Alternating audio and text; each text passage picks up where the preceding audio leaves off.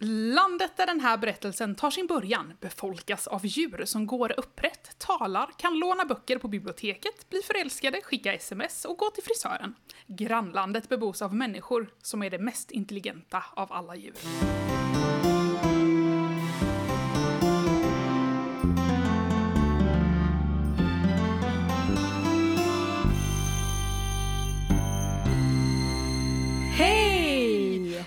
Välkommen till Barnbokspodden! Det är jag som är Märta. Och det är jag som är Sanna. Och idag ska vi prata om två mystiska böcker. Tre! Tre böcker. men två, nu håller jag på att slöra in mig här, men två Mm. av dem hör ihop i en serie. Helt rätt. Och den första som vi ska ta oss an och prata om är ju ingen mindre än och här säger ju vi ju namnet olika har jag märkt. Men jag säger, Ja. jag säger Jefferson. Och jag, ja, det är ju egentligen jätterimligt eftersom den är översatt, men jag säger Jefferson. Men du kan få uttala författarens namn om, om du vill. Och tjena, eh, jag och min... eh, Ja, min franska. Men jag kan ge mig på ett försök då. Jean-Claude Morlevat. Jag tänker att det är Jean-Claude Moulevard. Okej. Har du källa på det? Det kommer Nej jag skojar bara, det är alltid Jean-Claude. Jean-Claude Moulevard. Mullvad. Ah, ja. Mull, Mullvad heter han i alla fall i efternamn. Nej det gör han ju inte. Men det hade ju varit väldigt passande i och med att den här boken ju handlar om antropomorfistiska djur. Och nu då till illustratörens namn, för det är ju faktiskt... Åh nej! Även fast det är en 9-12 års bok, ganska tjock, så är det ju ändå illustrationer i. Ja. Antoine Ronson kanske? Oj, det var det, det, var det mest skitbra. svennebananiga uttalet någonsin på det efternamnet. Åh shit. Ronson, det stämmer. Ronson! Antoine Ron Ronson. Ah, ja, men alltså allt står ju på nätet om man nu vill försöka sig på att uttala det själv. Utgiven på Lilla Piratförlaget på svenska i år. Men kom då på franska 2018. Den som har översatt den till svenska heter Marianne Tuvesson. Och den har ju fått ett pris. Ja, Almapriset. Eh, vi har ju, det är ju nämligen så att eh, om man vill känna sig lite eh, stolt och nationalistisk så här på en onsdag så, är det, så är det så att Sverige har ju de två största, mest prestigefyllda internationella litteraturpriserna i världen. Och då är det ju dels då Nobelpriset i litteratur och sen så är det Astrid Lindgren Memorial Award, eller Almapriset, som tilldelas då en författares för dess liksom, livsgärning kan man väl säga då, eh, som författare. Nu till Jefferson som ju börjar med ett eh, lite speciellt förord. Ja, just det. Kan inte du läsa det Marta? Du som inte Jo, är lika jag. hes som jag efter att ha pollenhostat i tre månader. Landet där den här berättelsen tar sin början befolkas av djur som går upprätt, talar, kan låna böcker på biblioteket, bli förälskade, skicka sms och gå till frisören. Grannlandet bebos av människor som är det mest intelligenta av alla djur. Men det är lite speciellt med ett sånt liksom förord, men det, det är ju en speciell värld. Mm. Så att man behöver ju på något sätt så här förklara det. Ja, för det som jag tycker är det mest intressanta här är ju att oftast när man gör såna här antropomorfiska djur eller liksom sådana som går upprätt, talar, skickar sms, blir förälskade etc. etc. Eh, så har man ju ofta liksom bara, man har bara bytt ut människorna mot djur. Just det! För att få till någon sorts annan estetik. Eh, kanske eventuellt att man tänker sig att den blir mer barnvänlig. Men här har han ju inte gjort det utan han har ju kvar människorna Jävligt och djuren eh, är och de försöker samexistera på något vis. Eh, och det tyckte jag också var väldigt intressant för att jag tänkte ju på det, för jag bara såhär, men hur har han löst, och framförallt då när de ska in i människornas värld, så blev jag såhär, men hur har han löst liksom matsituationen var verkligen det första jag tänkte. Ja. För att oftast så är liksom när man bara antropomorfiserar djur och liksom plockar bort människorna rakt av så är det ju liksom ingen, ingen skillnad, det är ingen så här, det är ingen som pratar om det här med maten liksom. Och jag Nej. bara, men hur gör de nu liksom? Jeffersons bästa vän är ju en gris liksom. Mm. Och det visar sig att det är ju med att människorna äter ju såklart Japp. fortfarande kött. Och det gör de här djuren lite obekväma.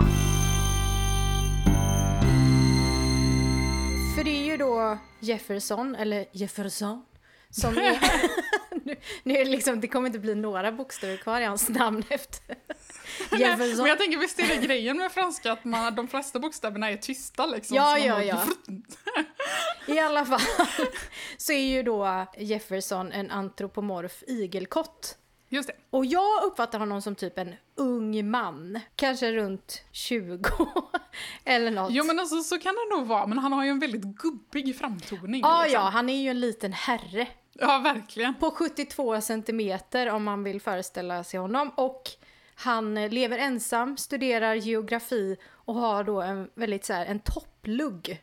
som är hans liksom signum som han är så, han är så nöjd över den Ja. här toppluggen. Hur kallade den inte till och med för tupplugg? Alltså... Tupplugg är det ju, tupplugg, inte topplugg. Men principen är ju densamma. Jag ser framför mig den här luggkonstruktionen i den där Mary. Åh herregud! Jag tror inte de använder samma hårprodukt eh, dock. nej, nej, det tror jag inte jag heller faktiskt. Men, eh, men hur som, tydliga gubbiga kvaliteter. Jag tänker också Mm. på det här typ det första när han ska klä på sig och gå ut. Sedan drog han på sig kavajen, knäppte den fram till och noterade samtidigt att det bildades små veck i tyget eftersom hans lilla mage putade ut mer och mer. Han borde nog dra ner lite på småkakorna. Och det känns för mig känns det som en extremt gubbig fundering. Jefferson bestämmer sig för att han ska gå och då trimma till den här tuppluggen Ja, på frisörsalongen. nu var det klippt Nu var det klippt! eh, dit han brukar gå då, det är den här en vänlig grävling, en, en gubbe som heter Edgar som äger den här salongen. Men framför allt så är det ju så att hans, nu ska vi se vad det är, bror... Brorsdotter ja. Som heter Carol. Eh, är där och frisörar lite eller hjälper till. Och eh, hon är ju en, en sällsynt trevlig grävlingsflicka. så att man kan ju tänka att det är nog inte bara för, för luggen och fåfängans skull som Jefferson är på väg till frisören. Nej men precis, det finns någonting där. Så jävla Men- gulligt. Ja, det, är- det är otroligt gulligt. Men jag tänker, eh, för det finns ju folk som är lite så ja men du vet man kan inte ha vuxna i barnberättelser. Eh, och som sagt, nu är ju den här för ändå relativt stora barn, men att jag tyckte att det var så väldigt intressant och att jag var väldigt, alltså jag var tvungen att fundera så mycket på varför det funkar, medan jag tänker att det är mycket så här vuxenböcker som handlar om vuxna som jag känner att så här det här hade jag kanske inte satt i händerna på ett barn.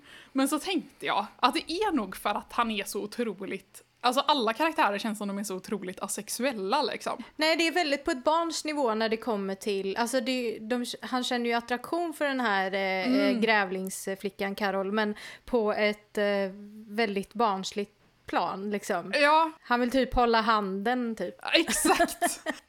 så jag tänker att det hade varit jättesvårt att skriva en, en barnbok med vuxna som har typ, ja men jag tänker så här vuxna problem som jag tänker så här typ, jag vet inte, otrohet eller så här våld i nära relationer eller så här. Det, det känns som Ja, att det ja. liksom inte hade funkat men att gör man de vuxna tillräckligt oskuldsfulla på något sätt så, så spelar det ingen roll liksom vad det är för faktisk ålder på, på karaktärerna. Men vad händer då när han kommer till salongen och ska fixa sin tupplugg? Jo, då är ju dörren stängd och låst. Men han ser ju att det är en kund där inne. Som sitter i den här permanentapparaten, så att det, det är ju någonting som inte riktigt stämmer. Och det ska ju naturligtvis då också vara öppet, så att han tänker att han eh, smyger runt på baksidan och ser ifall han ser någon och kan liksom på något sätt påkalla uppmärksamheten och se ursäkta dörren är låst liksom. eh, och eh, på baksidan så ser han ju att det står två fönster på vid gavel och där konstaterar han ju någonstans att han ser ju ingenting riktigt in. Han överväger ett halvt ögonblick om han ska klättra in genom fönstren men konstaterar att nej men det är ju faktiskt olagligt så jag skiter i det, jag går härifrån och så... Och sen så har han kommit en bit ner på gatan och så inser han att eh, men tänk om det liksom har hänt något. Tänk om Carol är i fara. Och så känner han ju lite det här att det finns, det finns en en liten, liten möjlighet att han kanske kan få visa sig hjältemodig inför Carol och då är det ju liksom så här, ja jag kanske ska gå in genom de där fönstren på baksidan i alla fall. Så han gör det, eh, ser då den här kunden igen som sitter där, det är en getdam som sover.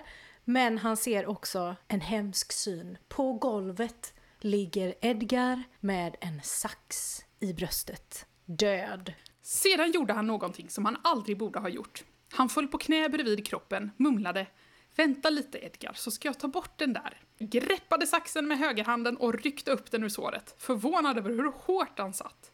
Man tror kanske att ett saxblad ska kunna dras upp ur en kropp lika lätt som en kniv ur en smörklump, men icke, det är trögt. Och det här tycker jag, jag man bara såhär, uh vad äckligt. Uh. Samtidigt som det är så otroligt snusförnuftigt och käckt liksom. Mm. Men här vaknar ju då geten och ser honom stå över den stackars döda Edgar med den blodiga saxen i handen och får naturligtvis helt fel bild av detta. Och eh, det slutar ju då med att hon eh, springer ut, tillkallar polis och eh, Jefferson får fly hals över huvud och gömma sig. Sen så visar det sig att han kan ju inte gå hem för där är polisen. Så är han liksom efterlyst. Han fattar att shit, det här är inte bra. Hur, alltså, det är inte bara att gå till polisen och förklara att det var inte jag. De... Till saken hör ju att den här geten är ju då vad var hon, äh, chefsåklagarens hustru eller någonting sånt där. Ja men precis. Så att hon är ju väldigt betrodd kan man väl säga. Eh, så att det är liksom när det är deras ord mot varandra så är det ganska uppenbart att, att Jefferson kommer att förlora. Men han är ju ändå inne på det här att nej men alltså jag orkar inte det här och vara, leva som flykting. Det, jag bara går och anmäler mig och så får de sortera ut detta. Men hans eh, kompis då är ju väldigt så här på nej, nej, nej, nej, nej, nu löser vi det här själva du och jag. Vi, vi, vi gräver i detta och så levererar mm. vi den riktiga boven till polisstationen upp uppbunden och klar liksom, så är du fri sen. Ja, hans kompis då, eh, Gilbert, som är Gilbert en gris. Och han, han tycker att det är så spännande att mm. de äntligen liksom har ett äventyr framför ja. sig. Det är liksom både så här, Ja, det är hemskt och eh, de, han fattar ju allvaret i det, Gilbert, men det är samtidigt så jäkla spännande. Nej men så de börjar ju luska i då liksom vem som kan ha eh, gjort det här mot Edgar. Och eh, tar lite hjälp av Carol och får lite ledtrådar som leder dem till människornas land. Det är ju två länder, va, säger man. Mm. Alltså djurens land och i människornas land. Men de är, hör ju ändå ihop på något sätt. Där delas invånarna upp i fyra kategorier. Där människan mm. är liksom högst värderad, sen kommer de antropomorfa djuren där Jefferson och Gilbert eh, tillhör. Och sen så finns det ju även sällskapsdjur, alltså djur ja, som inte, som människorna har, som inte pratar liksom och inte går upprätt och inte lånar böcker på biblioteket. Och sen så finns det ju då lägst ner, där är ju då slaktdjuren. Så att när Jefferson och Gil Gilbert tar sig över till människornas land så tar de sig också in i den här, vad ska man säga, den sociala hierarkin. Eh, och att den är så fint illustrerad tycker jag, hur Eh, hur obekväm Jefferson blir till exempel när han ser en människa som går omkring med en hund mm. i ett koppel. För att han, för honom så är ju, alltså hans bild av hundar är ju liksom att de går ju upprätt och eh, fungerar precis som honom liksom. Så det gör ju honom lite, lite obekväm. Och hur, de åker ju någon sån här sällskapsbussresa ja, ut till människornas land, vilket bara det är ju helt underbart gulligt. Ja men det är det de kommer på liksom att men hur ska vi, för han är ju efterlyst liksom på, mm. eh, i tidningen och polisen och allt sånt där. Så att bara hur ska vi ta oss till människornas land? Vi kan ju inte bara åka, vi kommer fastna i tullen och grejer. Men då kommer de ju på det att Gilbert har en kusin som kör sådana eh, turistresor. Ja. Och då kan de liksom så här eh, klä ut sig till typ turister. Eh, och då är det också, den här bussresan går ju förbi eh, i ett industriområde och eh, den här guiden som är människa då börjar ju skruva på sig lite obekvämt. Eh, och djuren undrar liksom vad det där är för en byggnad eh, och hon skruvar lite till obekvämt på sig och sen så förklarar att det är stadens slakteri liksom. Mm. Och att det blir så dödstyst i hela bussen och att det beskrivs så otroligt fint och laddat Ja, nej men som sagt, det, det, blir väldigt obehaglig stämning och man förstår liksom att det här, eh, ja, att det är, en, det är en väldigt konstig kulturkrock liksom. Men det är så fräckt för att jag menar i, i våran värld, eh, där finns ju tre av de här fyra kategorierna, alltså mm. människorna, sällskapsdjuren och de djuren vi äter, inte specifikt ja. du och jag, men alla andra. Men det är så fint att, att eh, författaren Jean-Claude har liksom skapat en till kategori som är liksom någon slags språkrör för Ja. de här djuren som kan liksom ifrågasätta och, och tänka högt kring det som sker med djur. ja, men precis när man ser det genom deras ögon så blir det så otroligt uppenbart Mm. eh, på en gång. Eh, och sen så apropå det här med rasismen så är det ju också väldigt tydligt att den finns hos, i, liksom, i djurens samhälle också, att Mm. man delar väldigt mycket in folk beroende på vilken sorts djur de tillhör och då tänker man ju lite så här att, ah, ja men du vet, man tänker ju säga att igelkottar inte borde råka så illa ut, men, men då är det ju så att eh, det var ju någon sorts seriemördare som var aktiv för vadå, typ 100-200 år sedan, som var igelkott. Och då tänker alla att ja, ja, men då är det ju, det, är liksom, det ligger ju lite i igelkottarnas natur att, att mörda folk. Det är ju uppenbarligen den här Jefferson som har som har mördat den här stackars frisören. Eh, och samma sak när de åker på den här turistresan då, då har ju Jefferson ett, ett, ett, ett alias, eller vad man ska säga. Men då är det ju fortfarande folk på den här bussen som inte riktigt vill prata med honom för att de tycker att igelkottar är lite obehagliga och skulle ju potentiellt sett kunna vara våldsamma. Ja men det är många så här rasistiska alltså sägningar och situationer och när Mm. de, de har ju med sig en bild på Edgar va, som de visar för människor liksom, har ni Ja, sett den här grävlingen? Och människorna är bara, eller det är någon människa som svarar bara, men alltså vadå, alla grävlingar ser ju likadana ut. Ja, just det. Mm. Och sen så nämns det ju också ganska sent i, i boken att de jämför liksom, ja men situationen eh, för djuren, alltså explicit med slaveri och, och tortyr. Ja. Och att det, det finns ju inte direkt längre, höll jag på att säga. Det finns visst tortyr och, och sånt. i. Men att eh, de säger i alla fall att det tog ju många hundra år innan det avskaffades. Så att, Mm. Men det är där djuren befinner sig nu liksom. Det är ju någonstans där, när man börjar närma sig mitten, som den gör en, en tydlig sväng i den här boken, får jag väl nästan säga, till att bli väldigt explicit djurrättsaktivistisk. Liksom. Ja, men politisk, alltså verkligen. När du var inne där på slakteriet och sådär, det finns ju en jättehemsk scen Mm. eh, inifrån slakteriet. Jag skulle vilja läsa upp den. Ja, men kör! Tänker det passar bra med min hesa röst också. Ja. Nu ska vi se. Jag smyger mig diskret in i byggnaden. Medan de är upptagna med att backa in en djurtransport full med får på planen utanför. Mitt på väggen ser jag en stor hållare för vattenslangar som jag häver mig upp i. Och så klättrar jag vidare och gömmer mig i ett prång mellan två balkar. Visste du det? Folk tittar aldrig upp. Vill du gömma dig ska du göra det högt upp. Och där, min stackars vän, där börjar mardrömmen. Först lastar de ur de stackars fåren som bräker på hjälp.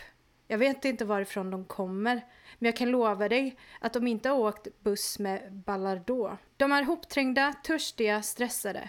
De knuffas hit och dit. Ett av dem haltar svårt. Hon har minst ett ben som är brutet. Det bryr de sig inte om. De slår henne för att hon ska fortsätta framåt. Ett annat smiter ut. En snubbe hugger tag i fåret, tar henne i ena bakbenet och hivar henne över stängslet. Fåret blir alldeles förvirrat. Springer åt fel håll, kommer efter. Snubben tar henne i samma ben och hivar henne över stängslet igen. När du ser det vill du bara skrika rakt ut. Fåren bräker, skjuter, omöjligt att höra varandra. De där djuren vet att de ska dö och kan inte försvara sig. De har inte en chans. Bara plågas och dö. Själv satt jag hopkurad i mitt prång under taket och vågade inte röra en fena. Jag var skräckslagen. Jag tänkte, om de upptäcker mig gör de likadant med mig. Jag tänkte på en jätterolig grej. Ja. Just apropå det här med, med att de är väldigt asexuella. Ja. Så är det ju en liten eh, passage här i början när de ska klä ut sig, eh, Gilbert och Jefferson, eh, till sina respektive systrar. Just det. Eh, och har lånat kläder utav dem och ska ta sig hem till Carol för att liksom på något sätt börja den här eh, utredningen. Eh, det gick in i staden med tvekande steg, särskilt Gilbert vars högklackade skor var lite för små och klämde stortå. När de vandrade genom stadsparken spanade två unga grisar som satt på ryggstödet till en bänk ogenerat på den och väste med små tss bakom dem. Men det där är ju vidrigt, protesterade Jefferson utan att vända sig om. Det hade jag inte fattat. Jag lovar att aldrig mer göra så. Och här tappade jag ju hakan för jag bara menar han att han har liksom, du vet, gjort det? Och jag var bara så här, och jag, var så jag kände att jag var satt där och var tvungen att omvärdera hela min bild av Jefferson. Men så kommer Gilbert här så här, men det har du ju aldrig gjort heller, påpekade Gilbert. Nej, det har du förstås rätt i. Låt säga att jag aldrig tänker göra det då. Det är så jävla fint! Men, men att det jag tänkte på var det här med tss, Ja, För att jag undrar om det är tänkt, alltså för att jag tänker att det de gör är ju att, citat catcallar dem. ja. Men att det de gör är att de, alltså lockar på en katt. Mm. Alltså att man använder något så här eller.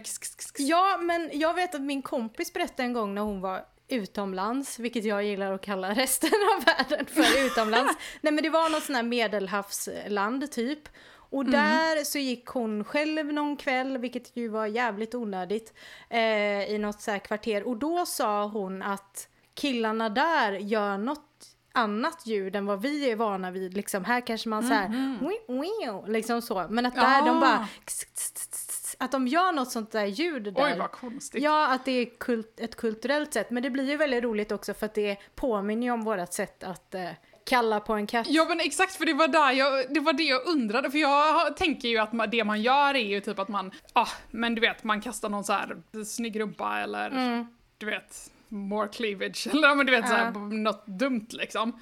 Eh, och så att det jag tänkte var så här, vänta lite nu, har, har de översatt ett catcalla till att väldigt, väldigt bokstavligt catcalla? Mm, men mm, okej, ja men då, då eh, är jag med. Men eh, det var i alla fall en tanke som slog mig. Mm, bara, mm, ja men det var jätteintressant och just att det heter ju catcalling också. Mycket humor i den här boken fast Ja, jätte, jättemycket humor. på ett väldigt smart sätt liksom. Och det finns ju en katt med i det här eh, turistresesällskapet som håller just sig det. lite för sig själv, han har en kamera eh, och sådär, men han är liksom med och sen så, ja det kommer till en punkt där eh, Jefferson och, och Gilbert vill be hela det här turistsällskapet om hjälp Mm. för en grej då som har med mordgåtan att göra. Och då samlas eh, allihopa i ett konferensrum och eh, efter att eh, Jefferson och Gilbert har förklarat sin plan så frågar de ja, men vilka är med liksom. Och då räcker typ alla upp handen. Även den här katten då.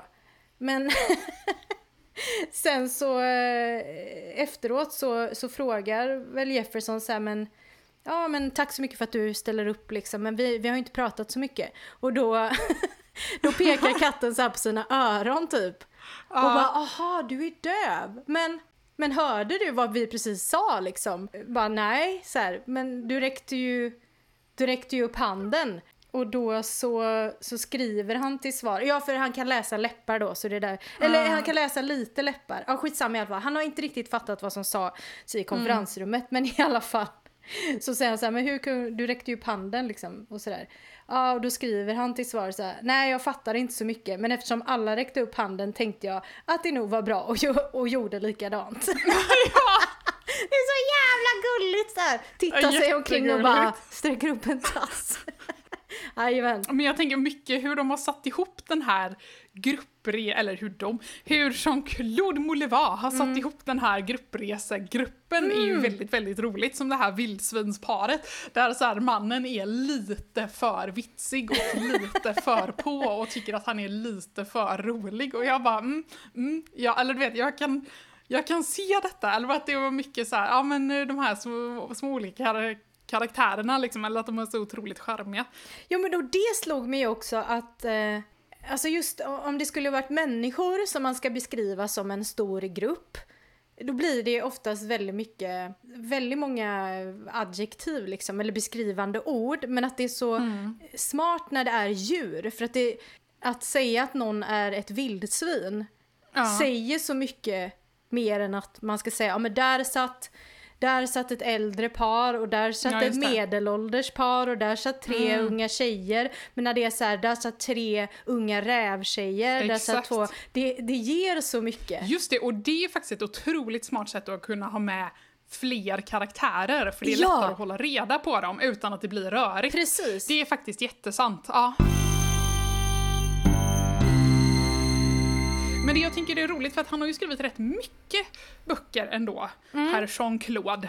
Men det är just den här som man har valt att översätta till svenska eh, efter eh, han fick Almapriset då kan ju tilläggas. Ja just det, jag tänkte ju att liksom...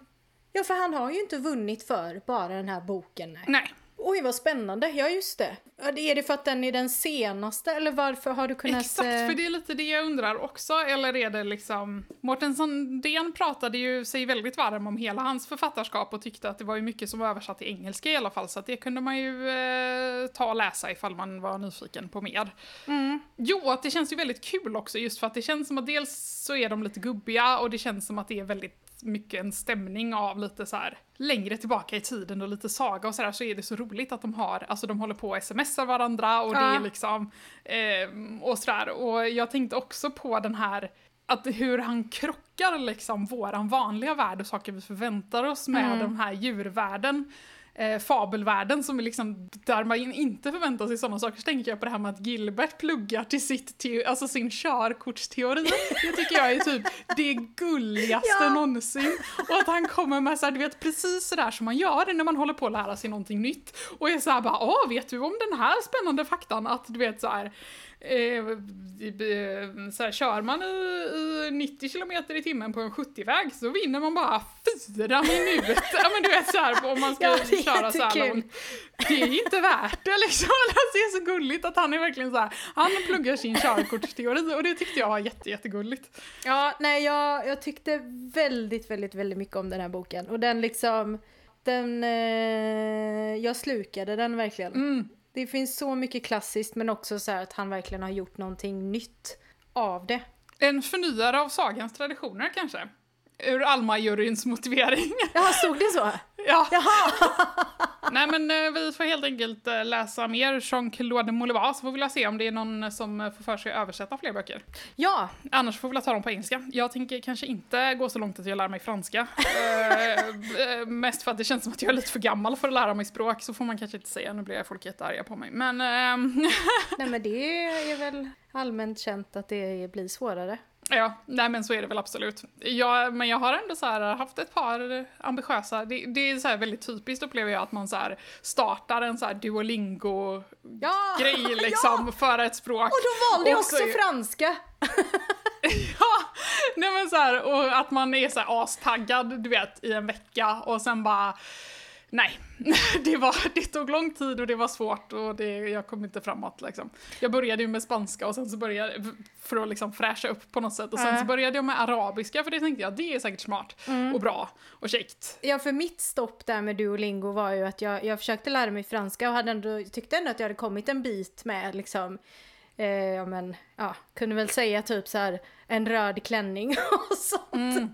Nej jag skojar. Nej men ja, men kunde lite ord och sådär. Och så eh, var jag på en midsommarfest, då sitter det en tjej som är fucking fransk. Så jag går ju fram och pratar med henne och bara så här, ja men jag har liksom börjat så här lite smått. Så, Je m'appelle Sanna! Ja men typ så här. hon bara, men gud vad kul. Och sen ska jag säga då, en röd klänning. Och hon bara, eh, va? Kommer jag inte ihåg. Men det var väl någonting rouge, rubb eller någonting. Och hon bara, du vet, skakade på huvudet. Och sen så raderade jag den appen. Ja, det är ju inte samma illustratör på framsidan som i inlagan, så de ser ju lite olika ut, eh, karaktärerna. Eh, men, men man måste ju ändå säga, alltså den här eh, igelkotten på framsidan som tittar på en med sina så här gigantiska svarta pepparkornsögon och som har det här alldeles för stora paraplyet. Man, man är ju lite förälskad och känner att man lite behöver adoptera honom. Och sen så i inlagan så känns det ju som att det är, det är ju någon sorts typ blyertsskisser höll jag på att säga, men blyertsbilder. Eh, I svartvitt. Jättefina, jättedetaljrika. Ganska mörka liksom. Ja, nej men för jag tänker i så här, i och med att det är typ en lite så här mordgåta. Jag tänker lite så här noir. Alltså som det Ja, här. men det, eh, det är en jättebra liknelse faktiskt. Mm. Väldigt, alltså medvetet ljussatta Mm. och väldigt så här, det, det är väldigt eh, man märker att det är någon som vet vad den håller på med liksom. Ja men det finns ju till och med en som känns så himla så här kriminalig när Gilbert ska väl ge sig iväg, eller skitsamma, men där det i alla fall kommer in ljus genom persiennerna. Ja, exakt! Ja. Jag tittade också på den Ja. här nu och bara, apropå det här med medvetet ljussatt. Ja, nej det är så jävla coolt. Ja, det är uppenbarligen någon som, som sagt, som, som kan sitt ljus Mm. och, eh, och ja, nej, jätte, jättebra. Väldigt, väldigt fina. Och sen så sitter det såna här små um, vignetter tror jag man kallar dem, såna här små illustrationer i början av varje kapitel. Ja, just det. Från Alma-priset till ett, eh, ett annat pris. För att våran eh, nästa bok, eller de två böckerna som vi ska prata om, som ingår i en eh, serie böcker skrivna av Tobias Södlund, de är ju då nominerade till årets barndeckare Ja, av eh, deckarpriset Crime Time Award. ja. Och det tänker jag måste ju kännas jättekul. Eller alltså så här. Ehm, jag vet inte ens vad jag jag pratar om. Nej, nej, jag tror han är jätteledsen över detta och typ gråt och flod. Tobias Söderlund har ju varit med i Barnbokspodden tidigare så att du eh, känner ju lite honom. Jag har ju bara lyssnat på avsnittet så att jag, jag, bara, jag vet ju knappt vem han är. Jag har faktiskt inte läst hans tidigare böcker men det har ju du gjort. Ja, det var ju den första serien som han släppte som var för 9 till 12. Eh, Spökkameran-trilogin. Just det. Den var han ju med och pratade om i Barnbokspodden. Men nu har han ju släppt en till serie för 6 till 9 år som heter Spökhunden Buster. Ja, Ja, nej, men de handlar ju då om eh, Ellen som hon går i fyran. Hon har en eh, toypudel som heter Buster. Eh, en mamma som är författare. En pappa. Jag bara, vad ska man säga om pappan? Han är en pappa. ja det är en, en mycket klassisk pappa. En klassisk pappa. Och en storebror med cancer. Ja, Och så har hon också en blåhårig bästa vän. Lorraine. ja. Lorraine. Lorraine! På, på tvättäkta göteborgska. Exakt. Så i första boken då som heter Mysteriet på kyrkogården. Mm. Ja, då är hon, eh, Ellen då, ute och rastar Buster och de bor ganska nära kyrkogården, eller precis intill. I den gamla prästgården till och med va? Just det ja! Vilket är ju roligt, eh, jag tänker på eh, första boken som Tobias släppte hette ju Prästgårdens hemlighet. Aha! Ah, så han liksom refererar tillbaka till sin egen bok där. Det får man! Om man inte kan vinna på något annat sätt. Nej men i alla fall så bestämmer hon sig för att gena lite över kyrkogården då. Det är ju lite läskigt men vad fan liksom. Och då får Buster vittring på något eller, eller någon. Och då ser hon liksom två stycken gestalter. Ooh, Ja, för det är väldigt oho, för att de är ju inte helt... solida. Nej precis, jag bara vänta nu, vad är, vad är motsatsen till genomskinlig? Nej men det Ja precis, de framträder ju lite om man kisar typ. Ja, ja men exakt. De ser nästan ut som lite så dimma om man bara tittar rakt på dem. Ja, och hon eh, berättar ju detta då för Lorraine som är ganska snabb med att då följa med, på, eller hoppa på det här liksom tro på spöken-tåget. Ja. Hon är, ifrågasätter ju inte alls det här, vilket är, det är ju det är ju en bra vän liksom. Ja, ja, nej men absolut. Det är så här, min kompis säger detta, då är det så. Ja, alla förtjänar en sån kompis. Och de bestämmer sig då för att de ska gå till kyrkogården igen för Lorraine vill ju då se de här eh, spökena såklart. Ja. Men Ellen går också dit eh, själv Mm. och, och kikar lite och då ser hon på en gravsten eh, ett spöke som är en flicka typ eh, äldre än hon själv liksom men in, ingen vuxen så som sitter och gråter. Mm. Och eh, på gravstenen så står det då här vilar vår älskade dotter Charlie. Mm. Och eh, hon läser sig till då att eh, flickan verkar ha dött eh, förra året och var bara några äldre år än hennes storebror Oscar. Mm. Så hon bestämmer sig för att fråga sin storebror då om hon, han känner till någon eller har känt någon som heter Charlie. Och han bara, ah, jo men eh, alltså Milo i min klass, han hade en stora syster som eh, omkom i en bilolycka förra året. Ellen tänker ju att det här, okej, det måste ju vara den Charlies, eller den Charlies grav i alla fall. Och kanske då att det här spöket är då Charlie. Ja, hon känner att hon behöver typ ta lite kontakt med Milo och luska lite mer. Och tillsammans med Buster och Lorraine reda i då Mm. vad den här spökflickan på gravstenen vill och varför hon visar sig för människor och så. Jag tänker också på när de, hon och Lorraine går dit första gången. Så Mm. gör de ju det typ på eftermiddagen så här, efter skolan och bara vi ser inga spöken. Och sen bara det kanske måste vara mörkt. Jag bara puckon. Eller så här, känner sig Det bara vet väl alla! Exakt. Fast det är ju också en sån här rolig grej liksom, bara så här, varför är det så Ja. att man... Det ska alltid vara på natten så här. Det är för att det ska vara maximalt läskigt. Da. Och I andra boken då så är det så, är det så att eh, storebror har, ska börja cellgiftsbehandling och då kommer de behöva åka fram och tillbaka till sjukhuset mycket och eftersom de bor ganska långt ifrån sjukhuset så har mamma och pappa bestämt att de ska hyra in sig i en villa som ligger betydligt närmare sjukhuset eh, under sommaren. Och då, den här killen som hyr ut den här villan eh, ska ju vara i, på sitt, i sitt, sin sommarstuga på sommaren. Men han har ju en väldig massa dockor hemma. Han samlar uppenbarligen på sådana. Eh, nej men alltså typ porslinsdockor liksom. Ja, Ehm, såna gam gammeldags dockor kan man ju ändå säga. Ja. Alltså, det är ju inte de här liksom som du och jag kanske lekt med. Det är inte Barbies. Eh, utan såna här lite creepy dockor. och, och han har ju uppenbarligen en gigantisk samling med såna och ehm, ja, och de står överallt och då tycker ju Ellen också att de är lite creepy. Eh, och hon ska lyckas sova med alla så här, jag vet inte, 50-100 dockor som hon har i sitt rum som bara stirrar på henne och man bara, mm, mm, jag förstår att du tycker att det är lite svårt att sova. Eh, men så är det ju också så att Buster markerar ju någonting, det är någonting som inte stämmer och det första som Ellen tänker är ju att det kanske spökar här också. Eh, och eh, det visar sig sen att det gör det. och det är ingen mindre än eh, den här, vad kallar man honom, den här farbrorn som äger huset, det är hans, eh, hans dotter som hade drunknat och nu går igen. Och hon ringer ju också då Lorraine. Sin spökvapendragare. Precis. Men, men här kommer det ju också fram då, eh, för att han står ju, Buster står ju och skäller mot något hörnskåp där inne i, i rummet och då ber ju, och råkar ju riva ner någon docka då som trillar i golvet och porslinshuvudet går sönder och eh, mamma och pappa får ju panik och är såhär förlåt, förlåt, förlåt, förlåt. Och då förklarar ju mamma Busters beteende med att han är i spökåldern och det tyckte jag var väldigt roligt. Eh, Ja! som är någon sorts valppubertet då, där de helt plötsligt blir rädda för allting. Och jag bara, jag kände nästan så här, men det måste ju nästan vara så att Tobias har liksom stött på det här begreppet, för visst har han hund? Nej! Nej? Han har inte hund. Det roliga med Tobias är ju att han har ju hundskräck. Jaha! Eller hade. Så det var så här ett stort steg för mänskligheten tänkte jag säga. Men att det känns som att han måste ju ha stött på det här konceptet och bara shit, det här måste ju gå att göra något med. Ja! Nej men jag tänkte också det. Han har googlat så här ord som börjar på spök. Och så bara, vad ska min nästa bok handla om?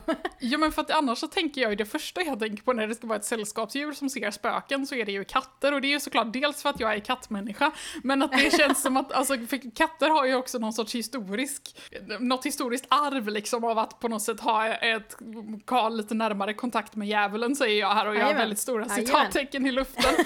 ja nej men och att de kan ju verkligen, jag vet ju, mamma och pappa har ju ett jättegammalt hus eh, som väl är minst hundra år gammalt. Mamma är ju övertygad om att det spökar. Eh, Ja. eller har spökat i alla fall, för att hon köpte ju det huset när hon var 18 och började reparera det. Och då har hon någon så här jätteotäck berättelse av att hon skulle ligga och sova eh, och jag tror att eh, om hon hade en katt som låg, jag vill liksom att eh, hon ska ha en katt liggande hos sig, men det kanske hon inte hade, hon kanske var helt ensam, svårt att säga. Men hon var liksom 18 år i det här huset, låg och sov, och, så hon bara, och så vaknade jag på nätterna av ljudet av någon som drar ut spik med kofot, det här väldigt så här karaktäristiska Nej, men ljudet.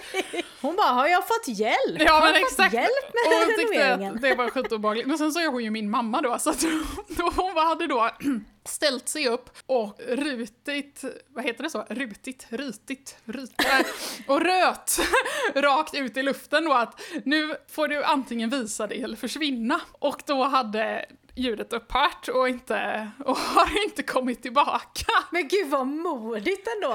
Jag vet, det, Tänk om det spöket bara tada! Eh, men så att mamma är ju i alla fall helt övertygad om att det är, det är husets förra ägare då som hon typ var hos som liten också tror jag, men som, som går igen liksom. Och där har ju alltid katterna tittat Alltså efter saker som inte finns. Alltså du vet, de kan verkligen ställa sig och följa någonting med blicken som tycks gå Åh, längs väggen åh, och sådär. åh. Så att jag förknippar ju det här med att se spöken väldigt mycket med katter. Men det ah. kan ju vara som sagt för att jag har haft katt liksom. Hundar kanske gör lika mycket konstiga saker.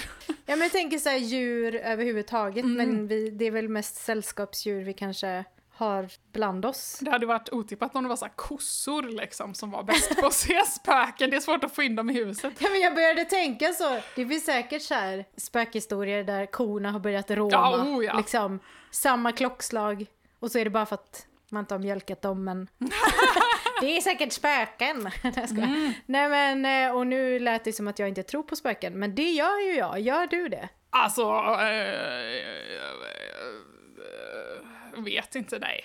Eller alltså, jag tänker att det är typ så kul att, att underhålla tanken, men det är inte så att jag aktivt tror på det liksom. Vilket var lite så här tråkigt, nej det var inte tråkigt, det var ju bara ärligt. När vi frågade Tobias, ah, ah, ah, tror du på spöken? Han bara, nej. Ja, stackars Sanna. Och så Aj. tänkte hon att jag har hittat en, eh, en bundsförvant här, och så bara nej.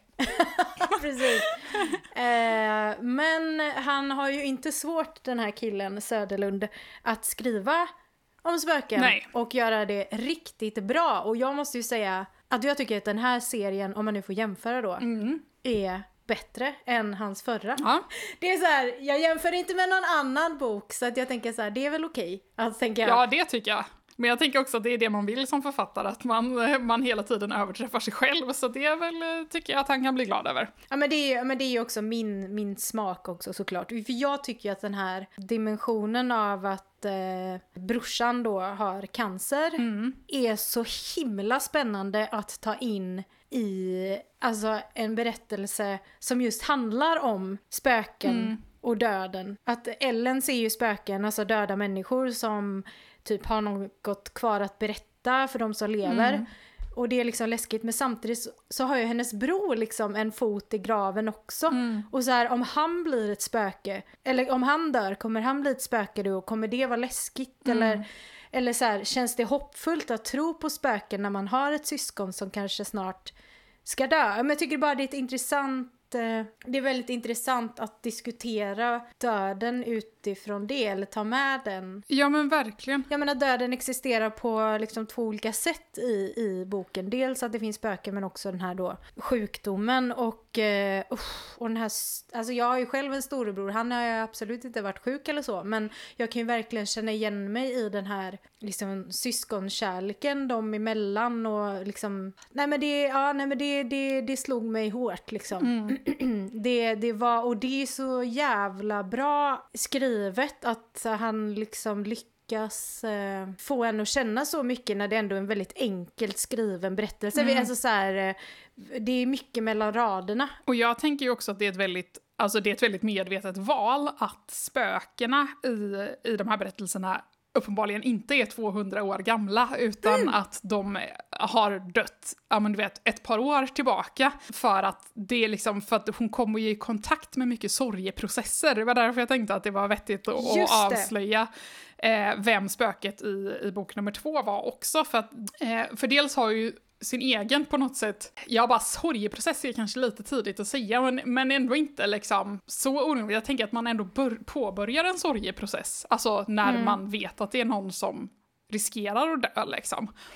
Även om den inte är borta än. Men, men som sagt, att hon har ju sin oro för sin storebror, men också att hon kommer i kontakt med, med den här, de här liksom, andra sorgeprocesserna då, när hon Precis. ska försöka hjälpa spökena typ jag vet inte, över till andra sidan. Man får ju lite av en känsla av att det är det som händer, att de, hon ska på något sätt uppfylla någon sorts sista önskan eller, eller sådär och få dem att, att känna sig klara liksom med jordelivet. Eh, igår när jag scrollade på Reddit så kom jag över en, en meme där det står det, apropå det här med att spökena är så nya, så stod det så här då.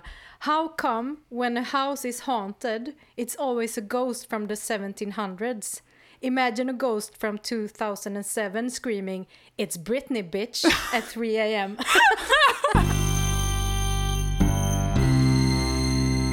Ja, men det är ju så jävla fint också när hon pratar med eh, Milo, den här Mm. Lillebror till eh, den här Charlie som har dött. Och Milo känner ju mycket väl till då Ellen och, och hennes storebrors Mm. liksom, pågående sjukdomshistoria. För han är ju ändå äldre än vad Ellen är, alltså, och det kanske inte hör riktigt till, alltså jag tänker på så här, när jag var i Ellens ålder och man skulle prata med en äldre kille som kanske gick i ens brorsas klass, alltså det var lite så här, oj, liksom, kan man mötas där? Men han är så fin. Mm. Ja, Ellen frågar ju då liksom, "Ja, men vad hände med din syster och sådär. Så passar liksom Milo på eh, att säga att, eh, ja men, men din bror kommer säkert, eller kommer Mm. klara sig liksom. Även fast jag har förlorat min syster så kommer det gå bra för din Mm. bror. Och jag tycker det är så jävla omtänksamt Mm. och känslomässigt och så fint. Och att han liksom, för att han vet ju inte om det här att, att hon har träffat eh, hans syster som spöke då. Nej, Utan nej. tänker ju att anledningen till att hon frågar är för att hon är, är orolig. Och jag tycker att det är så fint också att han drar, alltså att han fattar det, eller har Mm, den kopplingen typ. Men också tänker jag också på det här, den otroligt hjärtskärande scenen, eh, för att eh, Ellen listar ju ut sen då att det kan vara så att Charlie ha, försöker liksom visa att hon har ju ett likadant halsband som Ellen har. Och att det, det. innehåller någonting som hon vill liksom att Ellen ska gräva i. Och Mm. då behöver ju Ellen hitta halsbandet och då behöver de ju ta sig in i eh, Milos hus då. Och Mm. Milo hjälper ju henne då och sen så får hon ju förklarat det här med spökena. Men det är ju så otroligt hjärtskärande scen när de liksom går in i Charlies gamla rum och det står helt orört. Ehm, Mm. Och hon på något sätt också funderar på, men alltså om mamma och pappa skulle lämna brorsans rum då orört efter att han hade dött så bara det hade, ju- så bara dels bara det hade inte, det hade inte sett så här prydligt ut och sen bara eller är det någon som har gått och städat här efteråt men sen liksom lämnat det eller liksom så här. Och sen då när de har hittat halsbandet och så kommer ju Milos mamma hem och inser att de har varit inne i rummet och att hon blir så otroligt förtvivlad och arg och är liksom att det är på något sätt heligt och att dit går man inte in och, och pillar liksom. Eh, ja, nej, som sagt. Det är mycket sorgeprocesser igång här i de här böckerna. Just det, och jag berättade för Tobias att vi skulle eh, ha med hans två böcker och jag frågade även om när kommer liksom trean? Och då sa han att ja men den, den kommer komma till våren s- så vitt jag vet nu liksom. Och den kommer för övrigt att bli den bästa i serien. Haha, Ja. skrev han. Och jag bara wow! eh, det, det är ju, det är både jävligt gott. Och de hintar ju om i slutet på del tre var den här eh, tredje boken kommer att utspela sig. Ja, just det! Ja, jag bara var tvungen att tänka efter. Just det. Mm. Brorsan säger ju så här, ja, ja att han har hört en del liksom spökhistorier eh, på det här sjukhuset då där han behandlats. Där han behandlas. Eh, och att eh, ja, dit kanske ni borde bege er, säger han till Ellen och Lorraine. På spökjakt, hint hint. nudge nudge.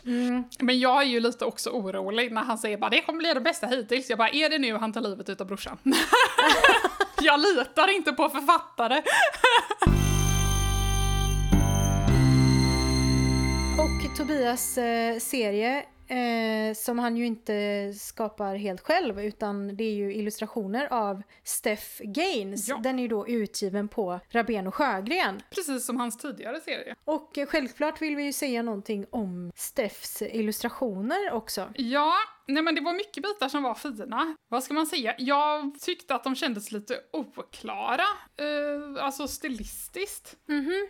Hur tänker du då? Ja, men att det känns som att de, det varierar väldigt mycket med att de känns som de har ganska rimliga proportioner och sen så känns det nästan som att de är lite chibi karaktärer. Vad är chibi-karaktärer? Ja, förlåt, när de har väldigt små kroppar och väldigt stora huvuden. Mhm. Och sen att jag upplever att det inte är jättemycket skillnad alltså i ansiktena mellan de olika karaktärerna. Men det var mycket, framförallt i andra boken, som jag tyckte väldigt mycket om. Eller dels så måste jag säga att jag tyckte att det var kul för att eh, grejen med den här Charlie är ju att hon har dött i en bilolycka och där det har kommit en älg rakt igenom eh, vindrutan och eh, hon har blivit ganska mosad.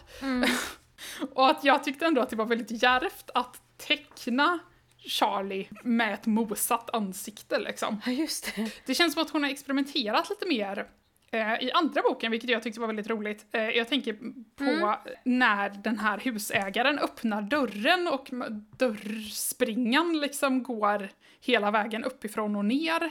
Och liksom och är väldigt fint integrerat i uppslaget, det tyckte jag var väldigt roligt. Ja, just det. Ja, men det är lite så här när de går ner för trappor och så att det är väldigt mycket långsmala bilder snarare än de här som är bara så här att de täcker antingen en hel sida eller en halv sida liksom. Just det, det är när spöket står så här jätteläskigt och lockar på dem. Det är precis i slutet här. Ah, 90, just det. sidan 90-91. Det är, det är ju ett otroligt otäckt uppslag. Så det var, jag tyckte att det var väldigt roligt och att det kändes som att det var lite mer experimentellt. Och så blir jag ju väldigt glad. Eh, jo, nej men att det måste ju varit eh, alltså en otrolig uppgift att rita alla de här dockorna. Jag är inte avundsjuk. ja, ja, ja! Eh, det måste ju varit så här, hon måste ju blivit så glad, alltså nu menar jag ironiskt här, när Tobias bara “jag vill ha ett helt hus fullt med dockor”. Då tänker jag att, att hon bara övervägde det ett ögonblick om hon skulle säga till honom att han fick hitta en annan illustratör. Köpa någon av böckerna som vi har pratat om idag så får du gärna använda våra affiliate-länkar som finns i poddbeskrivningen. Då får Barnbokspodden en liten peng utan att det kostar dig någonting extra. Läser du dessa eller någon annan bok som vi har pratat om så glöm inte att tagga oss på Instagram eller Facebook så att vi får höra vad du tyckte. Och vill du komma i kontakt med oss så kan du skriva till oss på våra sociala medier men du kan också mejla till kontakt barnbokspodden.se och vi har också en hemsida barnbokspodden.se. Vi syns om två veckor och tills dess ta hand om ditt inre barn och kom ihåg att coola vuxna läser barnböcker. Hej då!